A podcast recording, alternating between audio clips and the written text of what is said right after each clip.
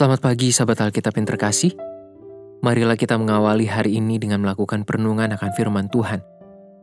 Bacaan Alkitab kita pada hari ini berasal dari kitab Yeremia pasalnya yang ke-19, ayatnya yang pertama sampai ayatnya yang ke-9. Beginilah pula firman Tuhan kepadaku. Pergilah membeli buli-buli yang dibuat dari tanah. Lalu ajaklah bersama-sama engkau beberapa orang tua-tua bangsa itu dan beberapa orang imam yang tertua Kemudian berangkatlah ke lembah Ben Hinom yang di depan pintu gerbang Beling. Serukanlah di sana perkataan-perkataan yang akan kusampaikan kepadamu. Katakanlah, dengarlah firman Tuhan, hai Raja-Raja Yehuda dan penduduk Yerusalem. Beginilah firman Tuhan semesta alam, Allah Israel.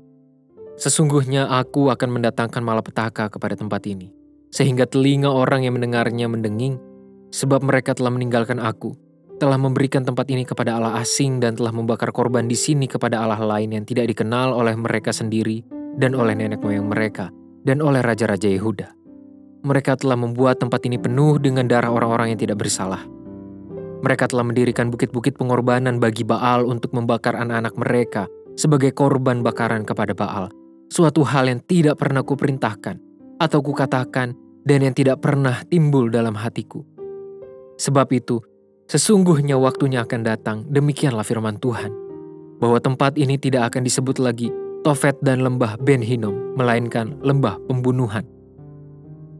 Aku akan menggagalkan rancangan Yehuda dan Yerusalem di tempat ini, dan aku akan membuat mereka rebah oleh pedang di depan musuh mereka, dan oleh tangan orang-orang yang ingin mencabut nyawa mereka.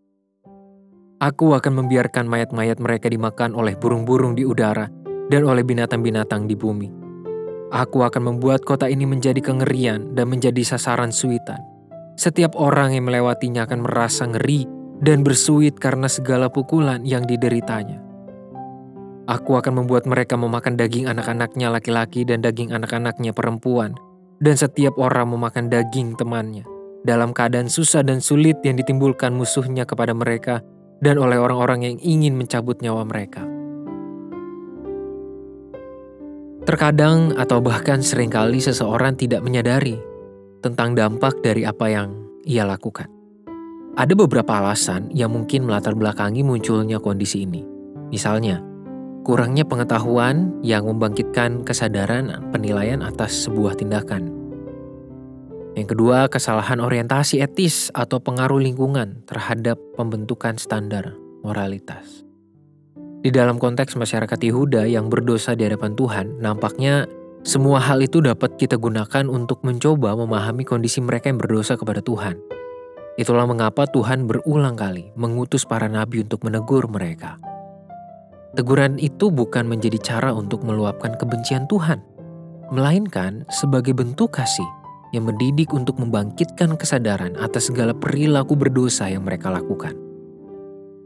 Pada perikop ini Yeremia diutus untuk menyampaikan pesan kenabiannya secara langsung ke depan muka para masyarakat Yehuda, entah secara simbolik maupun harafiah.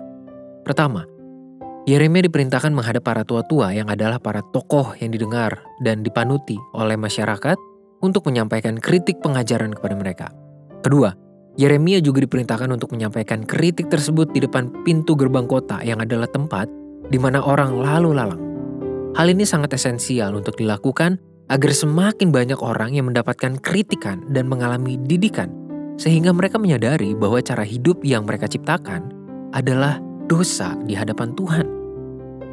Sahabat Alkitab, melalui perikop ini kita belajar bahwa selalu ada kemungkinan manusia tidak menyadari penuh atas perkataan, pemikiran, dan perilaku yang ia miliki.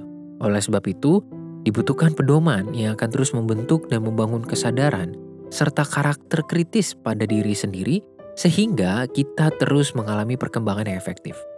Sebagai umat percaya, kita pun mengakui bahwa firman Tuhan, pertama-tama yang dapat kita akses melalui Alkitab, adalah pedoman dasar untuk membentuk cara pandang dan perilaku yang sehat, entah dalam lingkup sosial maupun relasi dengan Tuhan.